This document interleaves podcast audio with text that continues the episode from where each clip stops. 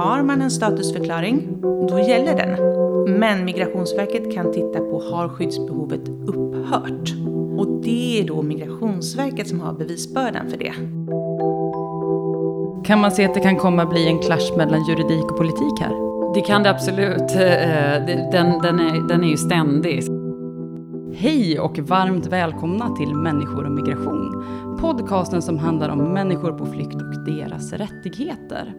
Jag som programleder den här podden, jag heter Maja Dahl och jag är kommunikationsansvarig här på Asylrättscentrum som från och med det här avsnittet ger ut podden.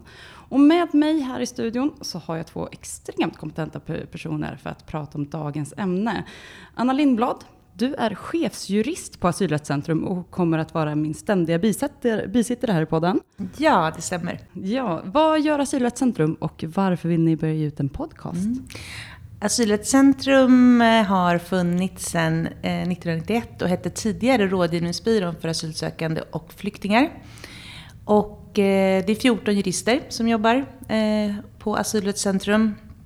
Två sitter i Göteborg och resten här i Stockholm. Och man kan säga att vi arbetar med allt som rör migrationsrätten. Eh, alla typer av ärenden och frågor. Vi driver ärenden, vi ger rådgivning till asylsökande men också till då gruppen som eh, kommer i kontakt med asylsökande. Vi har en hel del utbildningar och vi eh, arbetar med policyskapande och ja, vi är remissinstans. Man kan säga att vi till hälften är som en liten advokatbyrå och hälften som en ja, frivilligorganisation helt enkelt. En fin blandning. Ja. ja. och nu svarar jag inte på din fråga varför vi vill ge ut den här podden. Men alltså för oss är det ju oerhört viktigt att vi är relevanta eh, och tillförlitliga. Och vi har egentligen ingen agenda. Alltså vi är ju politiskt och religiöst eh, obundna. Och vår enda agenda är egentligen att verka för en rättssäker och konventionsenlig asylprocess. Och det vill vi göra genom att nå ut med information. Eh, och det kan vi ju göra i ett sånt här format. Eh, och det, vi kan göra det också på ett lite annat sätt kanske än vad mm, lagstiftare, myndigheter, domstol kan göra i och med att vi är en frivilligorganisation. Vi kommer säkert komma tillbaka till många av de där delarna sen, som till exempel vad betyder konventionsenligt och sånt som lyssnarna kommer få grotta mer i eh, nu framöver när vi kommer eh, ge ut den här podden. Men vi går över till dagens gäst. För att podden kommer som, som det har varit tidigare både belysa olika migrationsfrågor ur ett juridiskt men även ur ett samhällsvetenskapligt perspektiv och hur det politiska eh, hanterar de här frågorna. Och därför har vi idag med oss Annie Reuterskiöld som är politisk reporter på Svenskan och har en lång av bakgrund av att bevaka svensk politik, bland annat på tidningen Fokus. Ja. Och du, de, många lyssnare kan känna igen din röst ifrån podcasten Det politiska spel spelet. Men ur ett migrationspolitiskt perspektiv kanske man inte riktigt känner till eh, liksom din bakgrund och så. Så att jag tänkte för att om man ska få en liten bild av dig, vem du är i den här kontexten. Vad är ditt mest minnesvärda migrationspolitiska minne? ja, alltså eh, jag tror ändå att jag måste säga att det är gymnasielagen och hur den kom till. Eh, det, det, blev en väldigt politisk process som jag eh, inte har sett många gånger eh, tidigare. Jag bevakar ju politik i alla områden, men bara svensk inrikespolitik. Eh, och det här var en väldigt speciell process. Det blev ju nästan en kabinettsfråga, eller Miljöpartiet gjorde det ju till ett eh, skarpt krav eh, för att fortsätta regera med Socialdemokraterna. Eh, så på det sättet så var det ju väldiga spänningar i regeringen.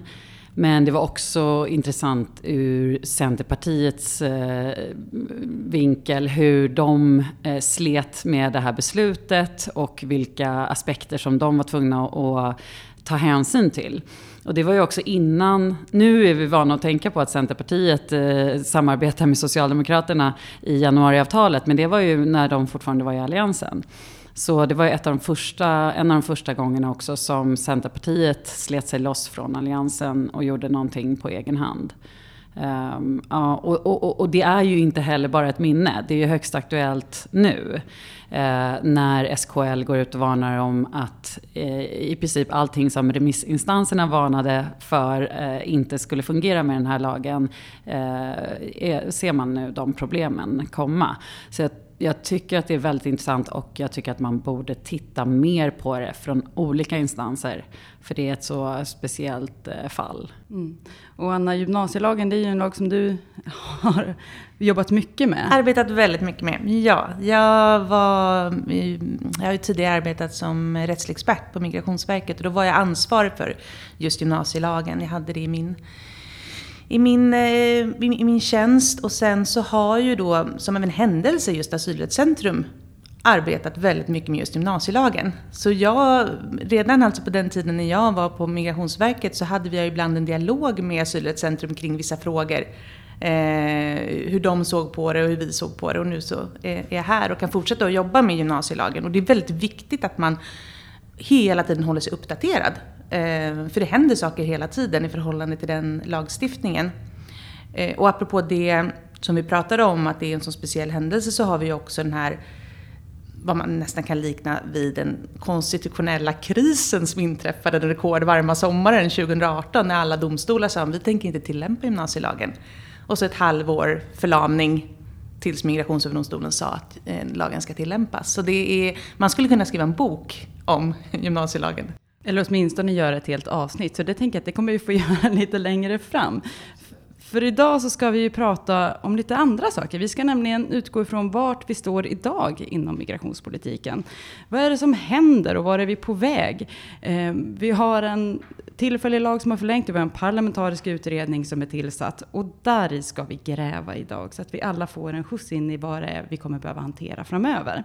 Eh, men jag tänker att vi börjar med förlängningen av den tillfälliga lagen. Och i somras fattade ju riksdagen beslut om att förlänga den tillfälliga lagen.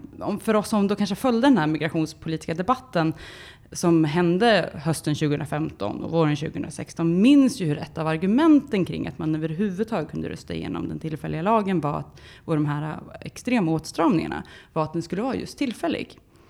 Nu förlängs den. Eh, Annie, du som följer de här frågorna, det här handlar ju om så här politiskt brutna löften om man ska vara ganska krass. Har det här fått några politiska konsekvenser att man nu bryter det? Nej, inte alls skulle jag säga. Eh, och jag tror att eh, det var ganska underförstått. Eh, att man inte skulle gå tillbaka till den gamla ordningen redan då.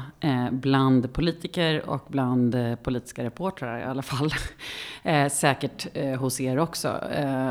Men jag, jag, skulle nästan säga att det går obemärkt förbi just det. Ehm, det som mer har eh, effekt nu politiskt är ju det nya parlamentariska läget eh, och januariavtalet.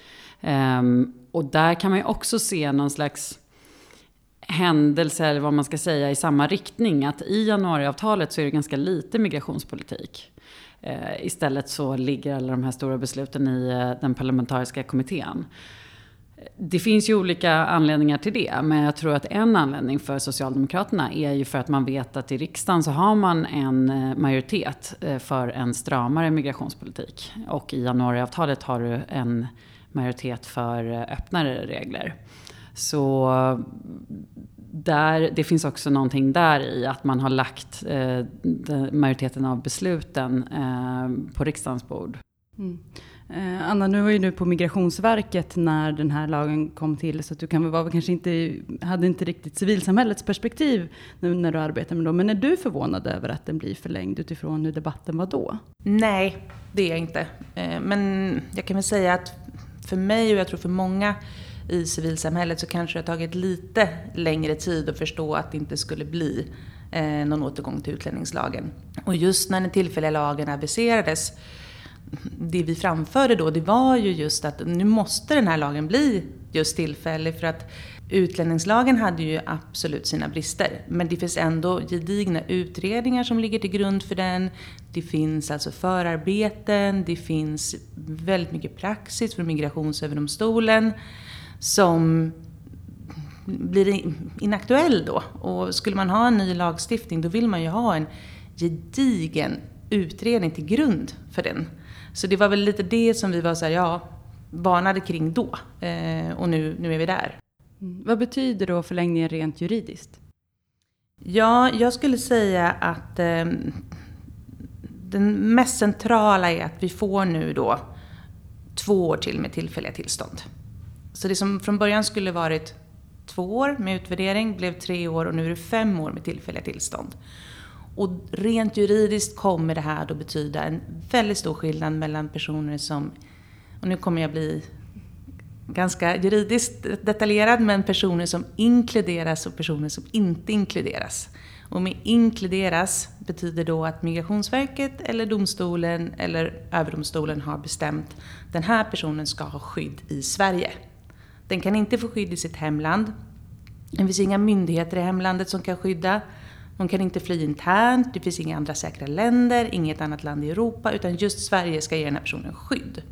Och då får de en skyddsstatusförklaring. Och den starkaste statusförklaringen är ju då en flyktingstatusförklaring. Ehm, får man inte det, då tittar man om man kan få det subsidiärt skydd, vilket i Sverige heter alternativ skyddsstatusförklaring. Och den förklaringen, den gäller tills skyddsbehovet har upphört. Och det är, en, det, är en, det, är ett, det är ett starkt skydd skulle jag vilja säga.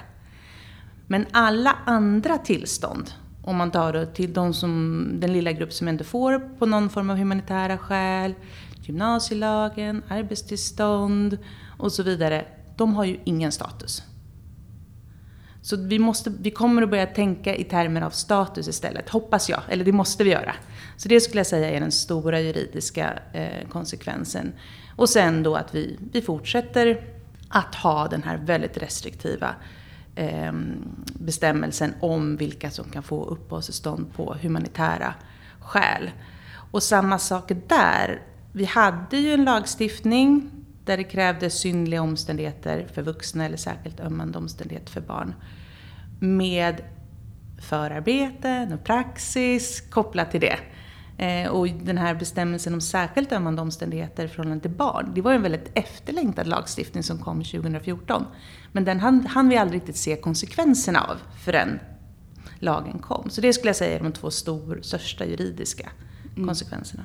En annan sak som lyfts är ju att alternativt skyddsbehövande numera efter då förlängningen kommer ha rätt till familjeåterförening. Det togs ju bort när den tillfälliga lagen först röstades igenom 2016. Men nu får man då eh, möjligheten till att återförenas med anhöriga igen. Eh, Anna, Asylrättscentrum har ju jobbat mycket med just den här gruppen. Eh, hur ser du på att den förändringen gick igenom? Ja, precis. Vi har ju jobbat eh, väldigt mycket med den frågan. Vi gick ut och efterlyste ärenden. Och sen har vi drivit ett ärende i Migrationsöverdomstolen och vi driver faktiskt ett pågående ärende i Europadomstolen också. Och när du säger driver ärenden, vad, vad menar ja, du? Alltså vi företräder en person i ett enskilt ärende. Eh, och det som var i Migrationsöverdomstolen, där kom det dom för ett år sedan och då sa Migrationsöverdomstolen, det rörde en pojke som var åtta år, kom från Syrien. Då sa de att det är okej okay att ta bort möjligheten för familjeåterförening för alternativt skyddsbehövande under en begränsad period. Men nu hade den perioden blivit för lång. Det hade gått över två år. Och då menade man att det inte gick längre för att det då stred mot Europakonventionen och barnkonventionen. Så man skulle kunna säga, jag skulle ju då som chefsjurist på Asylrättscentrum vilja säga att den domen i princip är den delen i, i januariavtalet. Att man hade inte egentligen något annat val än att, att ta in den. Men det här finns ju med i 73-punktsprogrammet att alternativskyddsbehövande eh, ska ha rätt till familjeåterförening. Vilka partier är det som har drivit det? Vilka krafter har funnits bakom det, Annie? Det är ju framförallt Centerpartiet och Miljöpartiet skulle jag säga, men även Liberalerna eh, vill ju se de här eh, öppnare reglerna. Och man kan ju säga att politiken bakom det här är ju, det finns ju ett tryck även inom Socialdemokraterna. Som finns ju en stark opposition eh, som vill se permanenta uppehållstillstånd och som vill se de här anhörigreglerna. Eh, så på ett sätt har man väl också stillat den kritiska rösten internt genom att gå med på det här. Så det finns liksom någon, någon typ av lugn i den här frågan. Ehm, men det pågår just nu en, en väldigt stark migrationspolitisk debatt just i Socialdemokraterna. Ehm, jag tror inte att det funnits en så livlig debatt på väldigt länge. Ehm, så man får väl se vart den slutar. Men det är ju ändå så att ledningen är ganska starkt inställd på en stramare politik eller en strikt politik. Ja, och jag kan ju tillägga, som, som jag sa, det är min tolkning av domen. Eh, men man hade ju också kunnat säga bara, ja, ja, men nu har vi den här domen, då ska vi tillämpa den. Och då hade det med största sannolikhet sett olika ut. Ja, visst, en åttaårig pojke från Syrien måste kunna få återförenas med sin familj. Men hur hade man sett på en 15-årig pojke eller en 17-årig son? Så att det var ju ändå väldigt bra för rättssäkerheten att man lagstiftade på det här sättet. Eh, så att det inte blev upp till den enskilde beslutsfattaren att i varje enskilt fall titta, strider det här beslutet som jag nu ska fatta mot Europakonventionen eller barnkonventionen? För det är ju en väldigt svår bedömning att göra. Mm. Eh, jag tänker att vi går vidare, för du var inne på det här med att de tillfälliga uppehållstillstånden förlängs. Eh, och det innebär ju också att man kommer in i att de här ska förlängas, alltså att själva uppehållstillstånden ska förlängas och att de, hur, att de olika förlängningsprocesserna ska sätta igång. Det var ju jättemycket diskussion när den tillfälliga lagen från första början i hur de här processerna ska se ut. Hur ska de då se ut? Ja, precis. Det här är ju den mest intressanta frågan nu som jag ser det Ehm, kring förlängningsprocessen. Och det är ju inte egentligen så mycket migrationsrätt utan det handlar ju om förvaltningsrätt och förvaltningsprocessrätt. Och vi får jättemycket frågor om det här. Eh, och det är ju alltså då att när man har ett tillstånd som går ut så måste man ansöka om förlängning. Och jag brukar alltid passa på att säga att man måste söka i tid. Det är jätteviktigt. För om man inte söker i tid så får det massa konsekvenser som jag inte går in på nu. Men sök i tid. Och sen en annan sak som vi har fått eh, veta är att alla påminnelser kring det här med att man ska ansöka om förlängning eh, och koden som man behöver för att göra själva ansökan, det går ut till personens folkbokföringsadress. Så man måste också vara eh, folkbokförd för att få eh, papperna. Sen kan man ju ansöka på vilka sätt man vill, men det är bara de här två sakerna säger jag alltid när man pratar om förlängningsprocessen. Men det som händer då, det är ju att återigen, har man en statusförklaring, då gäller den. Men Migrationsverket kan titta på, har skyddsbehovet upphört? Och det är då Migrationsverket som har bevisbördan för det. Och då ska de visa att den här personen har inte behov av skydd längre. Och där finns det ju praxis kring det här som är internationell praxis. Och det som krävs då, om man tar Syrien som ett exempel, eh, då ska det alltså vara fråga om väsentliga och bestående förbättringar. Och för mig så innebär det, min tolkning av väsentliga och bestående förbättringar, det är att det ska vara fred, det ska finnas infrastruktur, myndighetsskydd, fungerande rättsväsende, respekt för mänskliga rättigheter. Ehm, ja, för att det ska eh, bli aktuellt att anse att det skyddsbehov har upphört. Ehm, men för alla andra tillstånd, då, de som inte är kopplade till en status, då måste det ju vara ungefär samma omständigheter när man ansöker om förlängning. Alltså det blir två helt olika processer om man har en status eller inte har en status. Och det var det vi såg nu när Migrationsverket kom med ett rättsligt ställningstagande om Syrien. Då säger de nej, skyddsbehovet kan inte anses ha upphört, för det är inte fråga om väsentliga och bestående förbättringar. Men för de som kommer och söker nu, då kanske de inte kommer att beviljas uppehållstillstånd. Och det här är ju ganska svårt att förstå. Men vi måste börja tänka i termer av statusförklaringar nu. Och, stat och det och det skyddet som det för med sig. Och det är en intressant eh, del som du nu säger här, att det blir också ett omtänk för personerna. Eh, alltså asylprocessen, då är det individen som ska bevisa att den har ett skydd. Men vid förlängningsprocessen så är det Migrationsverket som då alltså ska visa att personen inte längre har behov av det skyddet. Har jag förstått det hela rätt då? Ja, precis. Eh, hur många gånger kan man då få sitt uppehållstillstånd förlängt? Och finns det liksom en, eh, vid tredje gången så får du ett permanent uppehållstillstånd? Mm. Nej, det, det, det, vet jag faktiskt inte. Eh, men det vi vet är ju att det kommer i alla fall fortsätta i två år till. Så. Det beror väl också kanske på vad man kommer fram till i den här migrationspolitiska kommittén. Eh, det är ju liksom det långsiktiga politiska arbetet eh, som man diskuterar nu, hur det kommer se ut. Så det är, ju, det är mycket möjligt att det ligger uppe för eh, förhandling också. Det är jätteintressant. Vi kommer att prata mer om den eh, parlamentariska kommittén eh, och det de ska prata om. Jag skulle bara vilja gå tillbaka lite grann till det du sa om att just bli av med sitt eh, skyddstillstånd, alltså att nekas uppehållstillstånd, neka fortsatt uppehållstillstånd i Sverige. Vad krävs för att en person ska utvisas efter en förlängningsprocess? Menar du om man har statusen? Ja. ja. Om vi börjar där. Precis. Nej, men om det är då en person som har en flyktingstatusförklaring så är det i princip ingenting som rör personen själv som gör att en status kan återkallas. Det är om personen återvänder till sitt hemland och då. Och i förhållande till situationen i landet, då är det det här väsentliga och bestående förbättringar, alltså fredssituationen. Och för de som har alternativ skyddsstatusförklaring, då kan det vara fler situationer kopplade till den egna personen. Eh, och då får man titta på grunderna för beslutet som man har fått. Om man har beviljats eh, alternativ skyddsstatusförklaring bara för att man var ett barn, bara den grunden, vilket ju ganska många har gjort från Afghanistan, och man sen blir vuxen, då kan Migrationsverket anse att skyddsbehovet har upphört. Och då återkallas statusförklaringen. Men är det så att Migrationsverket har ansett att ja, det är för att du är ett barn, men också för att du tillhör en utsatt grupp, då bör man enligt min mening vara betydligt mer försiktig. Eh, och jag ser inte att man ska, skulle kunna ha möjlighet att återkalla i så fall. Och det här gör ju, om man ska säga någonting positivt med det här, det är ju att skyddsgrunderna blir mycket mer renodlade.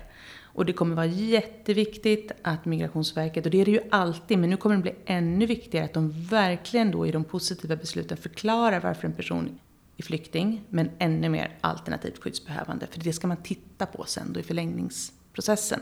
Men den här bilden av att de tillfälliga uppehållstillstånden innebär att så fort det tillstånd tar slut så kan vi utvisa dig om du inte förlänger, den stämmer inte? Nej, den stämmer inte. Och, och det finns fördelar med att börja, som jag sa, att börja prata om skyddsstatus också i ett europeiskt perspektiv. För så är det i de flesta länderna i Europa. Och om vi också gör det så blir det ju mer harmoniserat, man ser på saker på liknande sätt och vi kan ta in internationell praxis på ett annat sätt. Mm. Och nu pratar vi lite grann om vad man ska börja göra, så jag tänker att vi mm. glider mm. över till den parlamentariska kommittén. För nu har ju eh, regeringen och samarbetspartierna kommit överens om i det här 73-punktsprogrammet som väldigt ofta hänvisas till, det ibland säger man januariavtalet, i januariöverenskommelsen. Men i den så står det att det ska tillsättas en parlamentarisk kommitté som ska utforma en ny migrationspolitik för Sverige. Kommittén är tillsatt, representanterna är utsedda och direktiven är på plats. Så om vi börjar titta på de då som sitter i själva kommittén så har ju partierna utsett representanter från samtliga riksdagspartier. Vilka har partierna valt ut som ledamöter? Eh, och vad innebär det, liksom, vilken status man har satt på de som sitter i? Kan man säga någonting om det, Annie? Ja, alltså det är framförallt de migrationspolitiska talespersonerna som sitter med i kommittén. Men det som är då lite speciellt är ju att från Sverigedemokraterna så sitter Jimmy Åkesson också tillsammans med Paula Bieler. Um, och det har ju han sagt själv eh, ska ses som ett uh, tecken på eller en signal om hur uh, viktig den här frågan är uh, för partiet. Om det har undgått någon så är det här i alla fall en påminnelse om det. och det får vi väl se hur det mm, spelar ut. Alltså det är ju många som tror eh, att Sverigedemokraterna kommer hoppa av det här eh, i protest. Eh, Jimmy Åkesson har ju varit eh, ganska tydlig i att, äh, kritiken mot direktiven. Att, att direktiven i sig är fel utifrån Sverigedemokraternas synpunkt. För att man liksom eh, öppnar upp för, i alla fall på vissa äh, håll, en öppnare migrationspolitik. Så det är väl Sverigedemokraterna som kan antas kanske hoppa av. Och sen är det ju också så att man kan, man kan ju se på alla riksdagens partier har ju ganska olika migrationspolitisk eh, inriktning. Eh, så att, att, att, alla de här partierna skulle komma överens är väl ganska otroligt. Eh, och då kan man ju också se framför sig till exempel att Vänsterpartiet inte är med på en uppgörelse som står för långt ifrån deras partiprogram. Och sen får vi väl se vilka som är kvar där kan man säga. Men det är ju framförallt då, Moderaterna har ju Tobias Billström som också är gruppledare i, i riksdagen. Han är ju ett tungt namn i Moderaterna men också i de här frågorna. Eh, för det var väl lite eh, uppmärksammades för att eh, Ulf Kristersson hade varit så kritisk mot hela den här kommittén. Men från Moderaterna så sitter ju Tobias Billström eh, tillsammans med Maria Malmer Stenegard. Eh, och det visar väl på att man har någon typ av intresse i alla fall att eh, försöka få ihop någonting. Kan man se någonting från liksom, de som de andra partierna satt in? Alltså jag tänker Socialdemokraterna har en blandning av personer som inte heller alla sitter i, i riksdagen. Mm. Eh, betyder det något speciellt att man till exempel har Ebba Östlin som är kommunpolitiker med i den här gruppen? Ja absolut, alltså det, det ska väl spegla de intressen eller behov som man ser i hela partiet. Eh, och har tänkt på det sättet. För att eh, flyktingfrågan är ju en sån fråga som verkligen är aktuell ute i kommunerna också. och det är ju placerat också så att det är lite i relation till hur stora partierna är, hur många som sitter i eh, kommittén. Som det brukar vara. Det är ju inte bara en kommitté som ska titta på det här, utan man har ju även en, en eh, ordförande för den här kommittén som också är särskild utredare. Eh, och tre sekreterare och en expertgrupp. Eh, Anna, vilka är det som sitter som experter och eh, sitter som sekreterare för kommittén? Kan man säga någonting om dem och vad det innebär att just den här gruppen som ska jobba med de här frågorna? Men det jag kan säga om de som sitter med, det är att det är otroligt skickliga, kunniga jurister. Det är ju ja, de bästa eh, juristerna på migrationsrätt som man skulle kunna tänka sig. Och eh, en av juristerna som sitter med är ju Migrationsverkets rättschef, Fredrik Beijer. Han är otroligt eh, kunnig på området och har det han har jobbat med de här frågorna så pass länge så han har det historiska perspektivet. Vilket jag tror är väldigt viktigt för att veta eh, vad man har haft för lagstiftning och hur den har utvecklat sig och så man inte gör liksom, misstag som man har gjort tidigare. Det man, det man kan säga är, är väl också att de, de har ju bara, den här kommittén har bara haft ett möte hittills och det är mer hej och välkomna och det här kommer hända. Och nu har ju de här juristerna då pratat med alla partier för att få sig en bättre bild av det politiska läget och den politiska dynamiken i den här kommittén. För, ja, eh, för att förstå också hur det här arbetet ska kunna gå till och vilka svårigheter man har framför sig. Ja, det är ingen lätt uppgift. Kan man se att det kan komma bli en clash mellan juridik och politik här? Det kan det absolut. Eh, den, den, är, den är ju ständig, så att säga. den, den konflikten. Eh, men alltså som det brukar vara så är det väl så att politiken har en massa idéer eh, om hur saker och ting ska vara och juridiken eh, säger att eh, nej men det går inte. Och sen så får man försöka fram och tillbaka här. Det, det kan jag tänka mig kommer nu också. Eh, men den här gången är det nog extra mycket så skulle jag säga. För att det finns så, så starka politiska krafter bakom den här frågan. Så mycket att inom situationstecken vinna eh, eller förlora i väljarstöd. Eh, så det driver ju fram eh, en viss sorts politik som är, är ganska nära symbolpolitik eh, på många håll. Ja, och det ser ju vi på Asylcentrum som en av våra viktigaste uppgifter kopplat till den parlamentariska utredningen. Att vi kan också komma fram och säga vad man kan göra och inte göra inom juridikens ramar. Eh, när det framstår som påkallat. Mm. mm. Jag tänker att vi ska hålla oss där till vad den politiska viljan är och vad juridiken säger är möjligt. Titta lite grann på de clasharna, för det finns ju en del om man tittar då på direktiven, om vi går in och grottar i dem, så finns det ju eh, vad utredningen ska titta på, vad politikerna vill och vad vi tänker då är juridiskt möjligt. Så om vi börjar med att eh, de, man ska titta på tillstånden, hur de ska se ut, om det ska vara permanenta eller tillfälliga tillstånd i Sverige. Vad tror ni att den här kommittén ska komma fram till? Anna? Eller Annie, du kanske vill börja? Ja, eh, nej men eh, jag tror eh, att det är svårt att se en majoritet för permanenta tillstånd i riksdagen. Det tror jag helt enkelt inte kommer ske faktiskt. och det är ju Miljöpartiet, Vänstern och Centern som föredrar permanenta. Men Centern har varit lite oklara nu också tycker jag på senare tid. Eh, det man kan tänka sig att man, att man pratar om är ju hur långa de tillfälliga tillstånden kommer bli. Ehm, och när ett tillstånd ska bli permanent.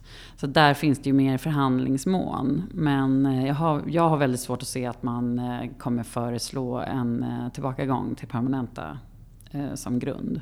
Eh, Anna, den juridiska bilden av det, har man möjlighet att ens ha Alltså, vad, vad, vad, finns det för möjligheter att driva igenom att inte längre ha permanent uppehållstillstånd och hur det här ska kunna se ut? Jo, men det kan man ju driva igenom då, som sagt. Eh, man har, nu säger jag det för tredje gången under den här podden, att eh, eh, man har ju skyddsstatusförklaringen och så tillfälliga tillstånd kopplat till det. Eh, och så ser det ut i de flesta länder i Europa. Eh, jag tror dock att eh, man måste ha någon slags ventil för permanenta uppehållstillstånd. För vissa eh, fall där det annars blir orimliga konsekvenser om en person inte får ett permanent uppehållstillstånd. Och som sagt, någon slags gräns. För någon gång måste man ju kunna bli svensk medborgare. Eh, men jag tror också att tiden, om jag ska spekulera, jag brukar inte vilja göra det, men om jag ska spekulera så tror jag att eh, systemet med permanenta uppehållstillstånd som vi hade eh, före 2016, det kommer inte eh, komma tillbaka. Och en del i det här som jag tycker är intressant då, om vi går över till ett system med statusförklaringar och börjar prata i termer av skydd istället. Och som jag sa, att det kommer bli mer fokus på grunderna för besluten. Vi som företräder de asylsökande måste utveckla vår argumentation i de här delarna. Då har jag lite svårt att få ihop det med när man pratar om att vi måste sätta gränser och tak och kvoter. För om vi ska prata mer i termer av skydd, då är det just skydd man ska titta på. Och då har jag svårt att säga, fast vi kan se hur man ska kunna säga, fast det är bara så här många som kan få det här skyddet. Mm. Men det tror jag ju, där kommer ju verkligen politiken in. Eh, för i den här diskussionen då till exempel om hur långa de här tillfälliga eh, uppehållstillstånden ska vara. Så har ju Liberalerna till exempel, det enda man kan gå på nu är ju vad partierna har sagt tidigare. För man har, har inte lagt några förslag i den här kommittén än. Um, men Liberalerna har ju till exempel velat se tre år långa eh, uppehållstillstånd för att minska byråkratin och minska, ja, och bara göra det lite drägligare eh, för de som är här. Ehm, men i motsats då, de partier som vill ha 13 månader eller, eller ännu eh, mindre. Det blir ju verkligen eh, inte fokus på skyddet utan fokus på att signalera till omvärlden att vi inte har några öppnare regler än någon annan. Så det är ju, det är ju en symbolpolitik som säger kom inte hit och där det är viktigast. Um, på något sätt. Mm, ja, intressant. Och, och, det kan man ju säga, alltså 13 månader långa tillstånd, det fungerar inte. Det är alldeles för kort tid. Också med det systemet vi har i Sverige med att man får en kommunanvisning om man behöver det, alltså en kommun som hjälper en att etablera sig. Inte för alla tillstånd, inte för gymnasietillstånden, men för de allra flesta tillstånden. Man ska ut i en kommun, etableras och sen när vi pratar om, då ska vi prata i, i termer av skyddsstatusförklaring, att det ska gå från att ett tillstånd i ett land är så allvarligt att man anses ha ett alternativt skyddsbehov till att det ska upphört på 13 månader. Jag kan inte se en sån situation framför mig en väldigt snabbt övergående statskupp kanske. Men då, vet du tusan om man skulle bevilja i första läget då man kanske mer skulle avvakta. Du var inne på det nu Anette, det har ändå gjorts en del utspel. Eh, även om det, man inte vet riktigt vad som sker inom, med, alltså med parlament, den parlamentariska kommittén och vad man kommer komma fram till så är ju ändå, ja men, till exempel har ju Moderaterna varit ute och haft presskonferens eh, kring vad deras framtida migrationspolitik kommer vara. Finns det mm, andra liksom, längder eller finns det andra rena konkreta siffror eller eh, bilder som man kan jobba med så man vet vart, vilket håll man är på väg? Ja, alltså både eh, Moderaterna och Kristdemokraterna har ju pratat om en nordisk nivå. Eh, och, och, då är det en siffra jag sett som är 5 000 till 8 000 eh, om året. Men det där är ju också väldigt beroende på hur många som kommer. Och det har jag faktiskt pratat med Ulf Kristersson om eh, i, i, i, relation till om det nu skulle bli en större eh, flyktingkris igen. Eh, är det ett tak då eller, eller följer det med så att säga? Och då menar ju han att nej men det, det följer självklart med. Men att det blir viktigare ändå om det blir en stor flyktingkris. Eh, att Sverige verkligen inte ligger över det nordiska måttet. Ehm, så det följer med tillsammans med de nordiska länderna, men inte, eh, ja, är hans eh, syn på det. Eh, Liberalerna och Centerpartiet tycker jag också har börjat prata om en nordisk nivå.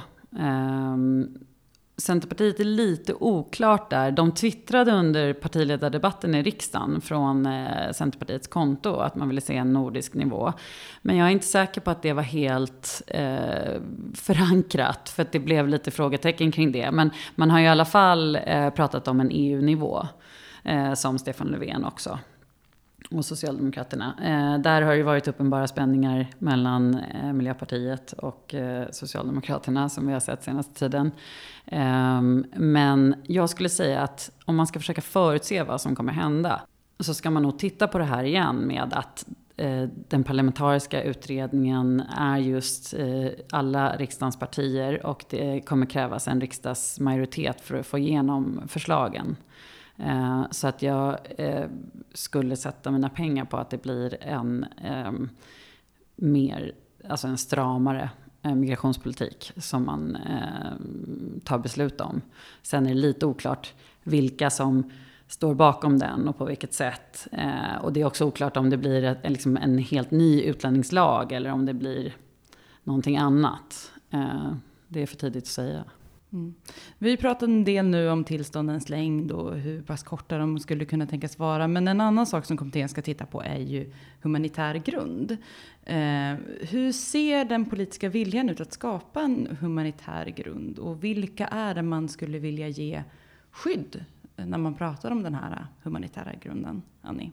Alltså, Moderaterna och Sverigedemokraterna de säger helt nej till en eh, ny regel om humanitära skäl. Och Sverigedemokraterna är ju lite svåra att tolka för de, de anser ju att, att, man inte ska ha en bredare tolkning än eh, eh de här skyddsgrunderna eh, som EU-rätten och flyktingkonventionen kräver.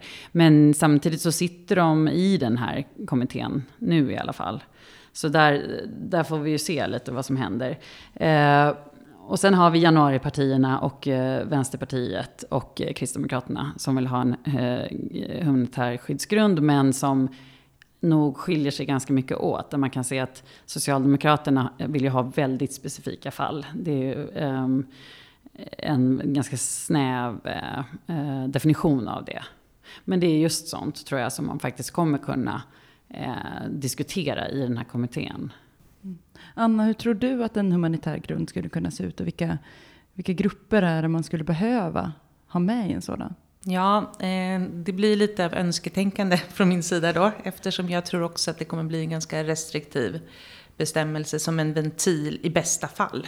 Eh, men det jag skulle vilja då backa bandet som sagt till eh, 2014 då vi äntligen fick den här lagstiftningen om särskilt ömmande omständigheter för barn.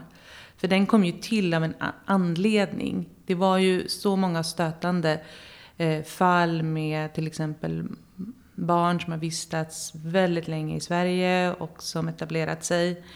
Ehm, sjuka barn som inte kanske hade en livshotande ehm, sjukdom men där deras levnadsvillkor skulle bli betydligt bättre om de fick uppehållstillstånd. Ehm, som skulle då beviljas uppehållstillstånd enligt den här eh, bestämmelsen, då särskilt ömmande omständigheter. Så det är viktigt att ha med sig, tror jag, de förarbeten och varför man införde den lagstiftningen. För där kan man nog hitta grupper som man faktiskt vill inkludera. Ehm, och nackdelen om man går in och verkligen specificerar de här men inte de, det är ju att man glömmer grupper.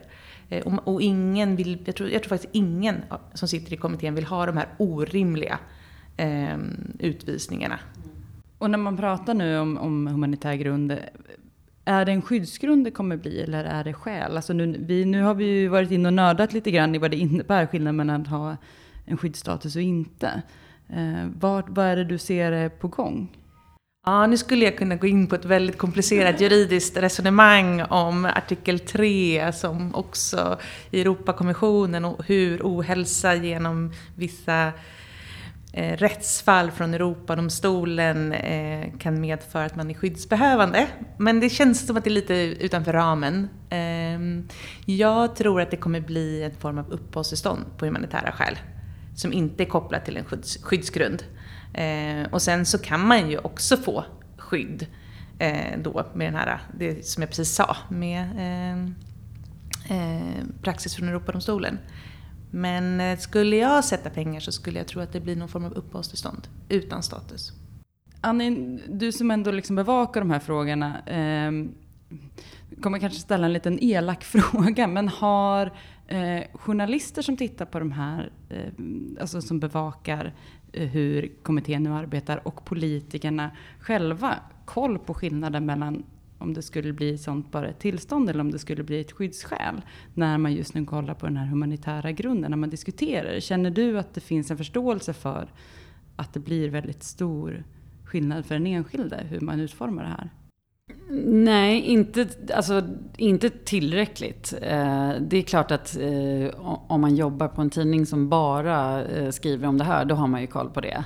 Men eh, så är det ju lite med alla områden. Att det finns alltid en liksom, fördjupningsmöjlighet. Eh, och här, eh, skillnaden här, eller i och för sig kanske man kan säga det om, om väldigt många eh, områden, så är det ju människors lidande som på något sätt finns i den parentesen. Eh, som inte alltid kommer fram. Och det tror jag är också eh, en aspekt i det här ehm, att vanliga väljare och läsare, eh, lyssnare inte riktigt eh, förstår eh, ämnet för att det är så komplicerat juridiskt. Eh, och att det då också blir lättare att, för politiker att slänga sig med lite olika förslag eh, som låter bra eller inte. Men, eh, så, så det är ju en, en intressant fråga på det sättet. Eh, och det är viktigt tycker jag att vi eh, verkligen är noggranna med den rapporteringen. Och det jag sa tidigare om att man kommer behöva ha permanenta uppehållstillstånd i vissa undantagsfall. Och då är det just de här jag tänker på. För har man då en humanitär grund och tillfälliga tillstånd, om man tar då exemplet med eh, en väldigt traumatiserat och sjukt barn till exempel. Om det barnet då beviljas bara 13 månader och hur ser det ut med rehabilitering och återanpassning till samhället och tillfrisknande med ett sådant kort tillstånd? Och då måste man ju då, eftersom det inte är en statusförklaring, då ska man ju ungefär ha samma omständigheter nästa gång för att beviljas ytterligare två år eller vad det kan vara nästa gång. Och det vet ju troligtvis de vuxna i alla fall i närheten om. Vad händer om man blir bättre under den här tiden men inte är tillräckligt? Och, och i de situationerna så blir det ju orimligt med tillfälliga tillstånd. Så någon slags utrymme för permanenta uppehållstillstånd för, för sjukdom till exempel. Eh, jag tänkte att vi går vidare och tittar på en annan sak som kommittén ska prata om, och det är ju, eller ska, ska bestämma kring nu, det är ju anhöriginvandring. Eh, vilka grupper som ska ha rätt till anhöriginvandring, om det ska finnas försörjningskrav och hur, och hur de ska se ut, om det ska finnas några lättnader kring vilka som ska avkrävas försörjningskrav. Eh, vad, vad säger du Annie, hur pratar man om anhöriginvandring från politikens håll? Ja, um, om man tittar på hur eh, Moderaterna och Sverigedemokraterna pratar nu så ligger det ju väldigt mycket fokus på att eh, eftersom Centerpartiet och Liberalerna och Miljöpartiet vill ha mer eh, eller större möjlighet till anhöriginvandring, att man liksom vill öppna landets gränser. Alltså det finns ju en sånt, ett sånt politiskt spel där. Eh, att man framställer de här partierna som eh, i princip i total brist på migrationspolitik.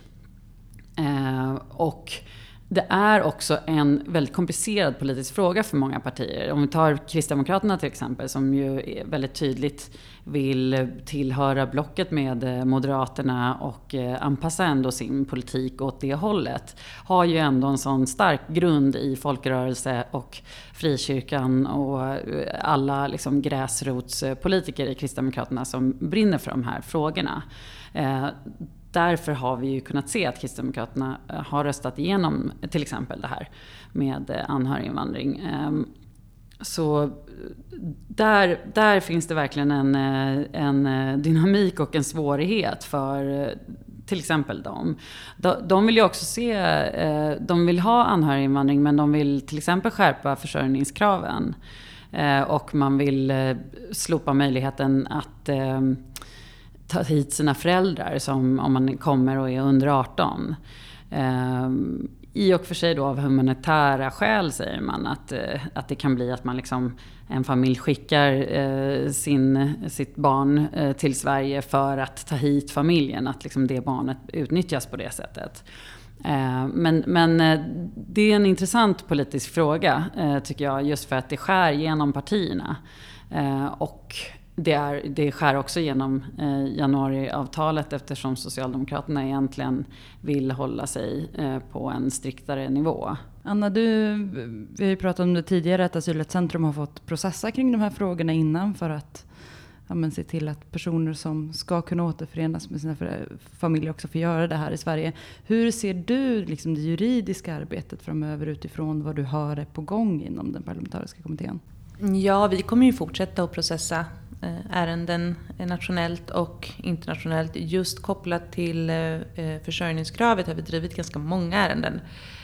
Och Migrationsdomstolen har ändrat en hel del. Vi har drivit ärenden ärende med alltså personer då som inte har kunnat uppfylla försörjningskravet. Till exempel det har varit kvotflyktingar, pensionärer, personer med funktionshinder. Där vi faktiskt har fått till en ändring i domstolen. Inte i alla fall, men, i några. Eh, och just vad det gäller försörjningskravet så vill ju vi det kommer ju vara kvar, jag kan inte tänka mig någonting annat. Men att det är väldigt viktigt att det är i linje med internationell praxis.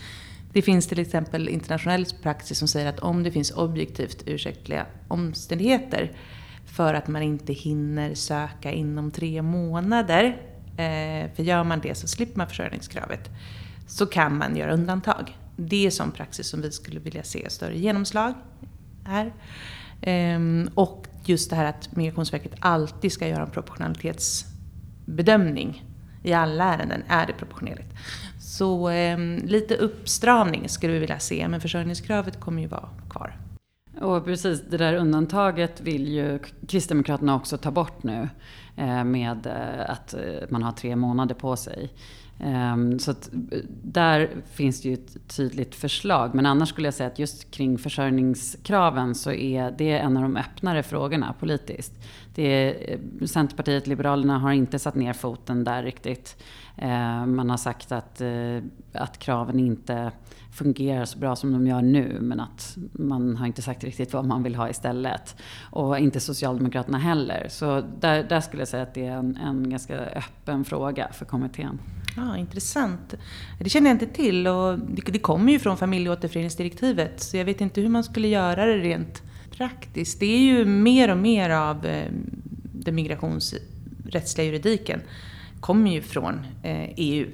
Och för att eh, förstå migrationsrätt idag så måste man ha koll på det som vi kallar för CEAS då, alltså det centrala europeiska asylrättssystemet. Ehm, men det, det, det, det är svårt. Man ska hela tiden ha tre nivåer av juridik i huvudet när man arbetar med det här. Ja, och det har ju varit från politikens håll också. Stefan Löfven har ju väldigt länge velat bara skyffla över det här på EU. Eh, och, och, men har väl insett nu att eh, det inte kommer så mycket längre där på den, på den nivån. Och Sverige måste på något sätt hitta någon, eh, något eget sätt att förhålla sig. Um, så det, blir, det är intressant också ur ett politiskt perspektiv hur man väntar in på något sätt eh, eh, att någon annan ska bestämma åt en, men det går inte riktigt. Om lite mindre än ett år, nu har vi liksom ändå försökt eh, liksom eh, mala ner det här till vad det skulle kunna bli i slutändan. Men jag tänker ändå att vi ska liksom sammanfattningsvis titta på, liksom, om lite mindre än ett år så har ju kommittén de ska vara färdiga med sitt arbete då. Och då ska ju den nya migrationspolitiken läggas fram. Eh, vad tror ni vi sitter med och kommer vi sitta med något? Oh, eh, ja, någonting måste vi väl sitta med. Annars skulle det ju vara ett gigantiskt misslyckande. Men jag tror att det blir svårt på, på så kort tid. Men det är väl lite vad det jag har sagt idag, vad jag tror. Som sagt, inga permanenta uppehållstillstånd.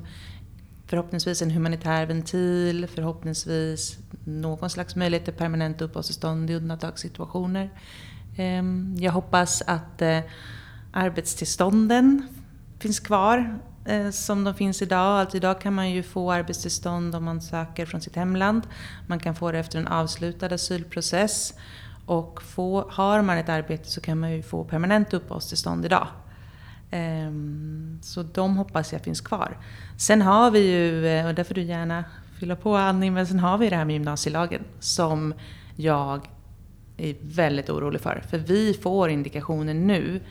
Det var ju väldigt många, 7 500 som fick eh, uppehållstillstånd då, de flesta förra hösten. Och nu när de ska förlängas Eh, så vet vi att det är många som inte har en utbildning. Och då kan man ju tycka så här, men hur kan man inte ha fått en utbildning på ett år?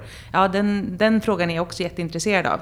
Eh, men eh, de hamnar ju, ja, de blir ju papperslösa då. Ja, precis. Um gymnasielagen verkar ju inte ingå i, alltså i migrationskommittén eftersom det är en e-, e-, engångsföreteelse eller vad man ska säga. Eh, men jag följer också det där eh, med stort intresse faktiskt. Eh, och eh, om man ska säga vad man sitter med om ett år så tror jag att jag tänker ju då lite så här politisk strategi och där ser man väl att Socialdemokraterna ehm, har ju ehm, genom att lägga ut det här på en parlamentarisk kommitté så slipper man ju lite att ta eh, så mycket hänsyn till Miljöpartiet som man skulle behöva göra om det var eh, en regeringsfråga. Eh, också eh, det här jag sa med att januariavtalet eh, ändå har en, en ganska begränsad del som handlar om migrationspolitiken.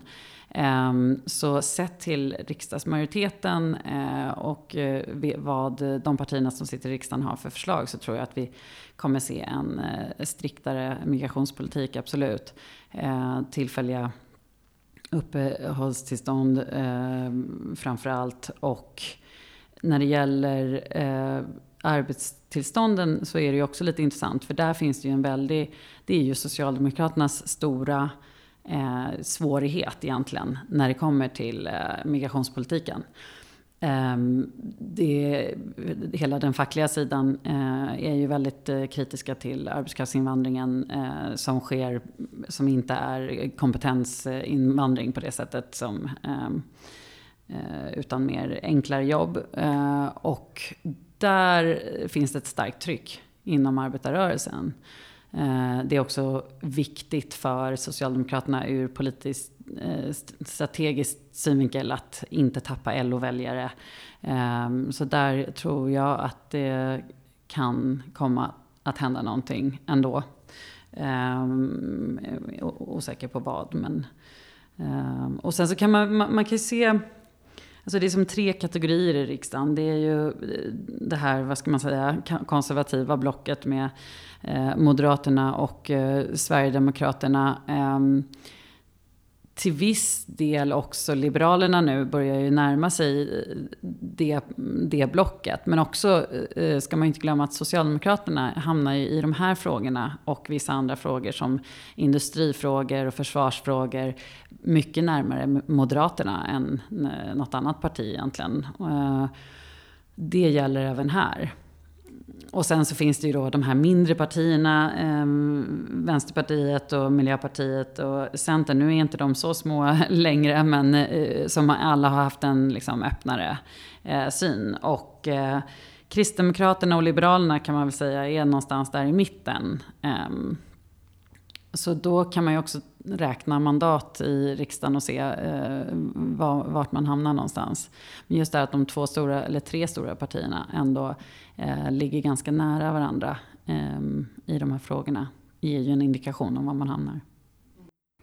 Och, men kommer man, alltså nu, nu säger du att det finns med tre blocken och man måste räkna. Jag sitter framför mig nästan och börjar sätta, så här, räkna pinnar och samtidigt man måste då också kanske hålla lite koll på hur det här kommer kunna börja svänga dessutom kring hur opinioner och liknande ser ut. Ett år är väldigt kort tid att bygga en helt ny migrationspolitik och det är ju många som har sagt vid flera tillfällen. Kommer man verkligen hinna klart det på ett år? Någonting tror jag att man kommer ha. Eh, men om det är en helt ny utlänningslag, det är ju frågan. Eh, det är väl mindre troligt kanske. Eh, men att man kommer med, med någon typ av förslag som, som riksdagen ska ta ställning till och sen bygga utifrån det tror jag är det mest troliga.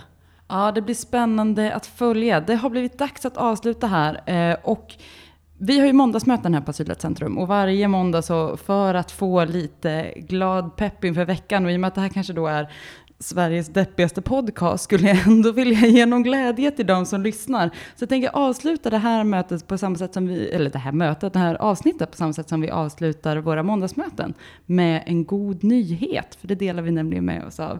Annie och Anna, vad har ni sett för goda nyheter inom migrationsområdet den senaste tiden?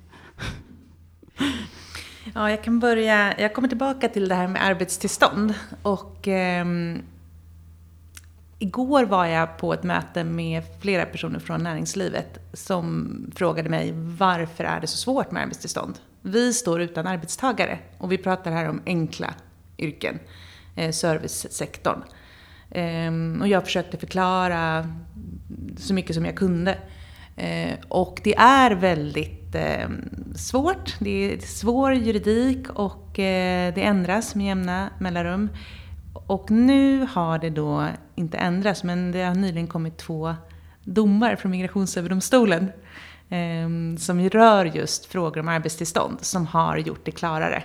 Bland annat vad som gäller om man inte har fått semesterlön i samband med att man har tagit semester. Om du kallar det här för eh, Sveriges deppigaste podcast så eh, är väl Asylrättscentrum Sveriges eh, tråkigaste NGO och det kanske var en tråkig eh, glad nyhet, men eh, det var väldigt välkommet. Så Eh, Eh, heja Migrationsöverdomstolen. Det har faktiskt kommit många bra avgöranden i år som vi verkligen har gått och väntat på, sån här, längtat efter i, i rättsfrågor. Eh, så det är positivt. Och då undrar man om det har någon samband med situationen som vi är i nu. Migrationsöverdomstolen har uttalat sig om frågor som säker resväg och giltig ursäkt, sådana här rekvisit som vi har efterfrågat jättelänge. Det är så härligt att vi blev så extremt juridiskt nördiga. ja. Jag förstår ja. att som jurist, eller journalist kanske man inte riktigt har goda nyheter på det sättet. Nej, men, men precis, precis. Nej, men jag, jag, kan väl ändå tycka att den här um, debatten som sker nu internt i Socialdemokraterna Eh, på något sätt är upplyftande. Eh, det är inte alla i Socialdemokraterna tror jag som skulle säga det. Men det är en livligare debatt än vad man har haft på många år. Eh, och och eh, det är alltid bra eh, att prata högt om de här sakerna skulle jag säga. Och man märker att eh, många olika perspektiv kommer fram i debatten. Eh, vad det beror på är ju lite svårt att säga. Det kan ju vara så att, eh, jag tror att Lars Stjernkvist, eh, kommunalrådet i Norrköping, han trodde att det beror på att man är så säker på att man nu sitter med det här januariavtalet. Socialdemokrater har traditionellt varit så rädda att eh, föra offentliga debatter för att man, det kan skapa liksom, eh, fraktioner och splittring. Men nu är man ändå rätt eh, fast i det här samarbetet och känner en större fri lejd att prata om de här sakerna. Så det, det är väl på något sätt ändå positivt. Och sen kan man väl också se det som att det är bra att riksdagens alla partier sätter sig ner och försöker komma fram till någon typ av hållbar eh, lösning eh, i de här frågorna. Att man eh, eh, försöker komma fram till något som inte är avhängigt av vem som vinner valet.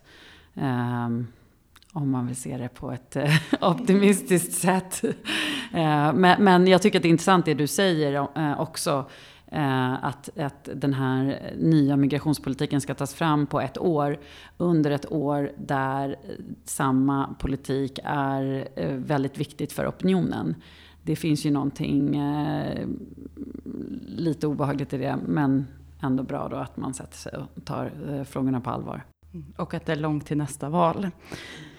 Och med det sagt så är det dags att avsluta dagens avsnitt av Människor och migration. Tack Anna Lindblad och Annie Reuterskiöld för att ni tog er tid att prata om de här frågorna med mig. Nästa avsnitt kommer om ungefär två veckor och då ska vi prata om Syrien.